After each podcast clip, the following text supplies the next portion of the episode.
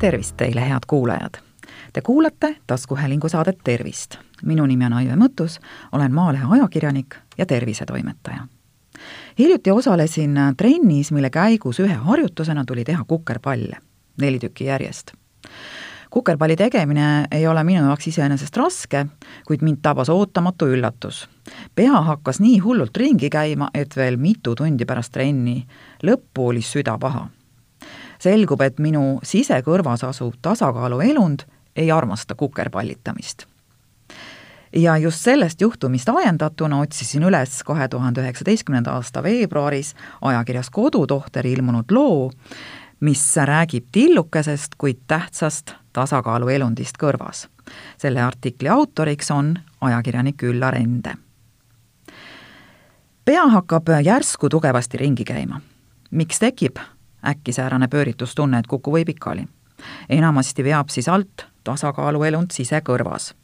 sellest ja muudest põhjustest räägib loos kõrva-nina-kurguarst Karina Truuverk uurimatagi on selge et, et üheksakümmend üheksa koma üheksa protsenti tänase saate kuulajatest pole kunagi korraga nii palju vägijooke pruukinud, et kogu maailm ringi oleks käinud ja meri põlvini olnud. uurimata on selge seegi, et üsna paljudel meist hakkab aga teinekord mõnikord pea ringi käima ka siis, kui karusselliga ei sõida või liiga kiiresti valssi ei keeruta. uuringute järgi johtub umbes kaheksakümmend viis protsenti pearinglusest otseselt rikkest sisekõrvas. kõrv pole loodud ainult kuulmiseks ja tüütu vaiku kogumiseks, vaid selle sisemuses peidab end imepisike tasakaaluelund, kus toimub pelgalt kõrvapesija jaoks midagi müstilist mõlemas sisekõrvas on meil kolm poolringkanalit, milles voolab vedelik, endolümf on selle nimi. ja endolümfi liikumisele reageerivad retseptorid. Need ärrituse vastuvõtjad on ühenduses tasakaalunärviga, mis läheb otse väikeajusse lisaks on selles vedelikus väikesed kaltsiumiosakesed, mille liikumine ja paiknemine on samuti olulised. Kui kõik sisekõrvas toimib normaalselt, tagabki see meile tasakaalu ja õige koordinatsiooni, selgitab doktor Truuverk lihtsustatult. sisekõrval on tasakaalu hoidmisel küll väga tähtis osa, kuid mitte ainult sellel organil. aju saab selleks vajalikke signaale ka nägemise, puutetundlikkuse, lihaste ja kõõluste kaudu. Need annavad ajule signaale ja see omakorda edastab need signaalid muudesse organitesse, andes teada, kuidas nad käituma peaksid, et keha tasakaalus püsiks tegemist on keerulise vastastikuse süsteemiga, kusjuures signaalid selles liiguvad kosmilise kiirusega.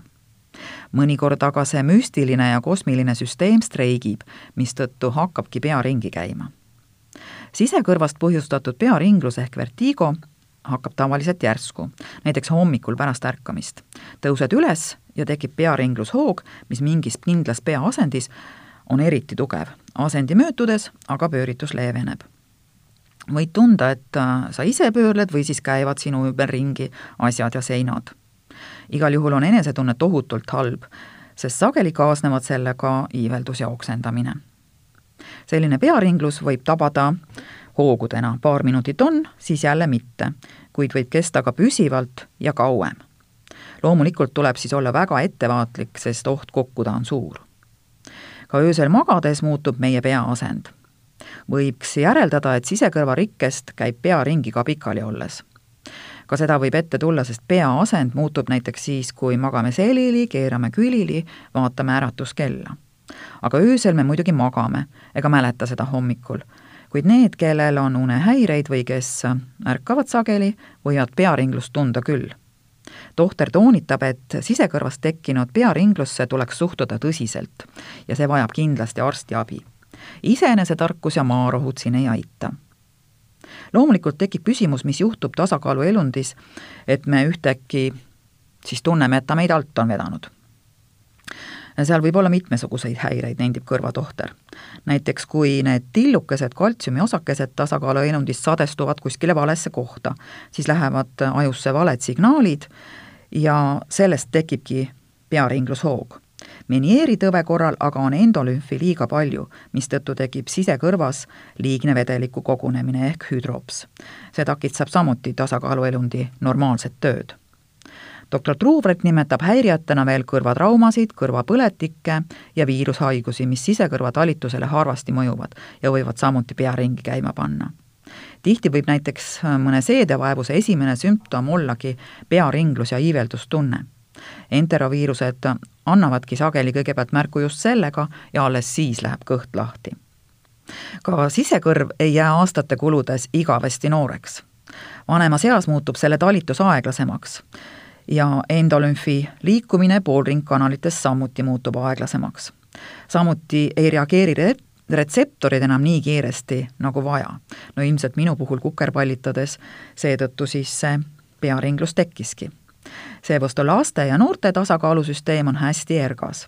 lapsi võime keerutada igatpidi ja neile ei hakka pärast seda tavaliselt kunagi paha. Neile meeldib karusselliga sõlt-, sõita, aga meile enam mitte nii väga pea võib meil pärast seda veel kaua aega ringi käia ja süda ka paha olla. doktor Truuverk ütleb, et vanemal inimesel ei pea sugugi siiski tema ea tõttu pea ringi käima. kuid mida aastad edasi, seda rohkem sigineb tõbesid ning ühes sellega ravimeid, mille üks kõrvaltoime võib olla ka pearinglus kõik haigused, mis verevarustust halvendavad, häirivad ka tasakaalusüsteemi. näiteks on vanemas eas rohkem pea-verevarustuse häireid, kaelaarterite ahenemisi, ummistusi. ka need võivad anda pearinglust, kuid leebemat kui sisekõrvast tingitud korral. samuti kipub kõikuma vererõhk. eriti vanemas eas tekib vahel pearinglust ortostaatilisest hüper, hüpotensioonist, mis tähendab, et pikali asendist püsti tõusmisel langeb vererõhk järsult, sest veri valgub jalgadesse eks veresooned ole aastatega ka lubjastunud, eriti suhkruhaiguse ja kõrgvererõhktõve korral. ja siis jääbki mõnikord püsti tõustes südamele ja ajule verd väheks ning tekib pearinglus. kuid tavaliselt väga halba enesetunnet sellega ei kaasne. See ei ole sisekõrvast tulenev vertiigo aga sel juhul peab ka samuti ettevaatlik olema ja ettevaatlikult püsti tõusma, et mitte kukkuda, sest korraks võime isegi teadvuse kaotada aga niipea, kui veri hakkab jälle normaalselt ringi käima, läheb selline pearinglus üle.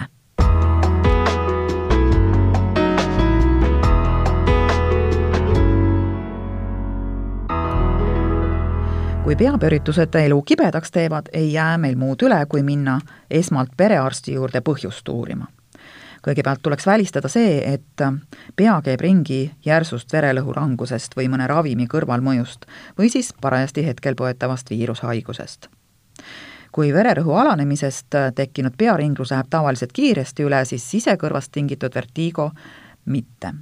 see püsib ikka mõnda aega ja muidugi on üsna häiriv, selgitab doktor Truuverk kui tekib kahtlus, et süüdi on sisekõrv, läkitab peretohter hädalise kõrvaarsti juurde sisekõrvast tingitud peapööritusest on kõige sagedasem healoomuline paroksüsmaalne ehk äkkhootine asendivertiigo.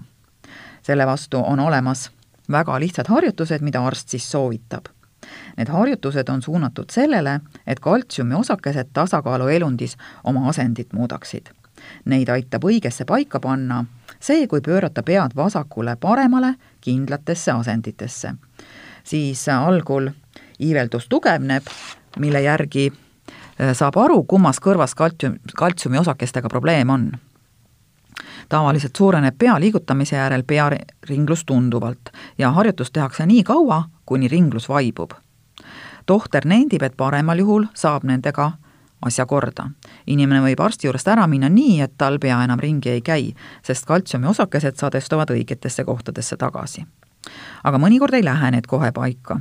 enesetunne muutub küll paremaks, kuid arsti õpetatud harjutusi tuleb kodus ise edasi teha. on õnn, kui nende lihtsate harjutustega vaevast lahti saate.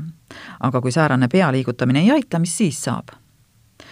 kui nende harjutuste mõjul midagi paremaks ei muutu, ei ole tõenäoliselt tegu healoomulise vertiigoga, ütleb doktor Truuverk sel juhul võib süüdi olla labürintiit ehk sisekõrvapõletik, mis on samuti üks sagedasi pearingluse põhjuseid ja millele eelneb tavaliselt viiruslik külmetushaigus. siis on põletikus ka tasakaalunärv ja sellest pearinglus tulebki. sisekõrvapõletik võib kesta päris pikalt, aga kui see välja ravida, peaks kaduma ka peapööritus tohter täpsustab, et keskkõrvapõletikku siis enamasti üldse ei ole, vaid põletikus on ainult sisekõrv kui keskkõrvapõletikku tunneb inimene valu järgi ise ära, siis sisekõrvapõletikku mitte, sest kuskilt ei valuta. lihtsalt pea käib ringi ja kogu lugu. oleme ikka ravimiusku ja loodame nende peale.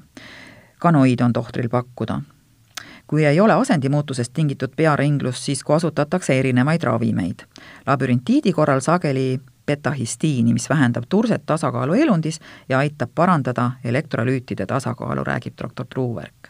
kui on väga tugevad iiveldushood, siis leiab ka nende vastu rohtu. labürintiidi korral tuleb vältida kukkumist, juua palju vedelikku ja mitte tarvitada alkoholi. väga ägedate sümptomite korral on mõistlik lausa voodirežiim. kui põhjuseks on bakteriaalne nakkus, võib arst määrata ka antibiootikumravi tavaliselt mööduvad sümptomid mõne nädalaga, kuid äh, mõnel juhul võtab paranemine aega mitu kuud. kui pearinglus on tingitud sisekõrvast, saab olukorda parandada, kuid Menieri tõve korral jäävad ringlushood tihtilugu korduma.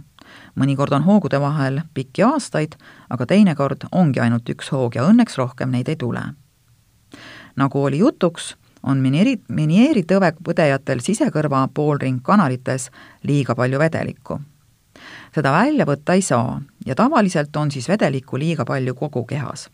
sel juhul soovitatakse soolavaba dieeti, mitte tarvitada alkoholi ja vajaduse korral kirjutatakse vedeliku väljutamiseks diureetikume on selge, et pearinglusega kimpus oleval inimesel ei ole näiteks telefoni helina või uksekella peale mõistlik nagu vedrust üles karata. kui tõused püsti ja tunned, et sul pea käib mis tahes põhjusel ringi, siis võib see olla sellest, et tegid seda liiga kiiresti, ehk siis tõusid püsti liiga kiiresti. sel juhul võiks korraks tagasi pikali heita ja lasta lingrusool üle minna. seejärel tõusta mõne aja pärast hästi aeglaselt voodi äärele istuma. kui enesetunne on veidi parem, siis pikkamööda püsti. kui pea aga ikka ringi käib, võiks veel korraks istuda. ikka enesetunde järgi, põhiline on mitte tõusta järsku, soovitab Karina Truuverk tohter toonitab sedagi, et toeks on mõõdukas liikumine ja spordi tegemine ning see, et kehakaal ei tõuseks, ehk tervislik eluviis üldse. aga mis trenn see siis oli, mida ma tegin, nii et mul pea ringi käima hakkas? selle trenni nimi on Movement. ja see on üks hästi-hästi vahva trenn. lisaks ilusatele lihastele annab see teile suurepärase koordinatsiooni ja hea tasakaalu ning ka väga hea tuju infot selle trenni kohta leiate internetist, otsides üles lehe movementtallinn.ee ja movement kirjutage siis eesti keeles movementtallinn.ee. vaadake järele. head kuulajad, te kuulasite taskuhäälingu saadet Tervist. saate leiate Delfi podcastide pesast tasku, nutirakenduste Spotify, Apple Podcast, SoundCloud ja teised.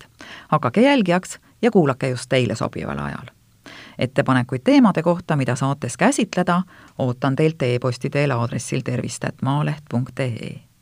minu nimi on Aive Mõttus, olen Maalehe ajakirjanik ja tervisetoimetaja.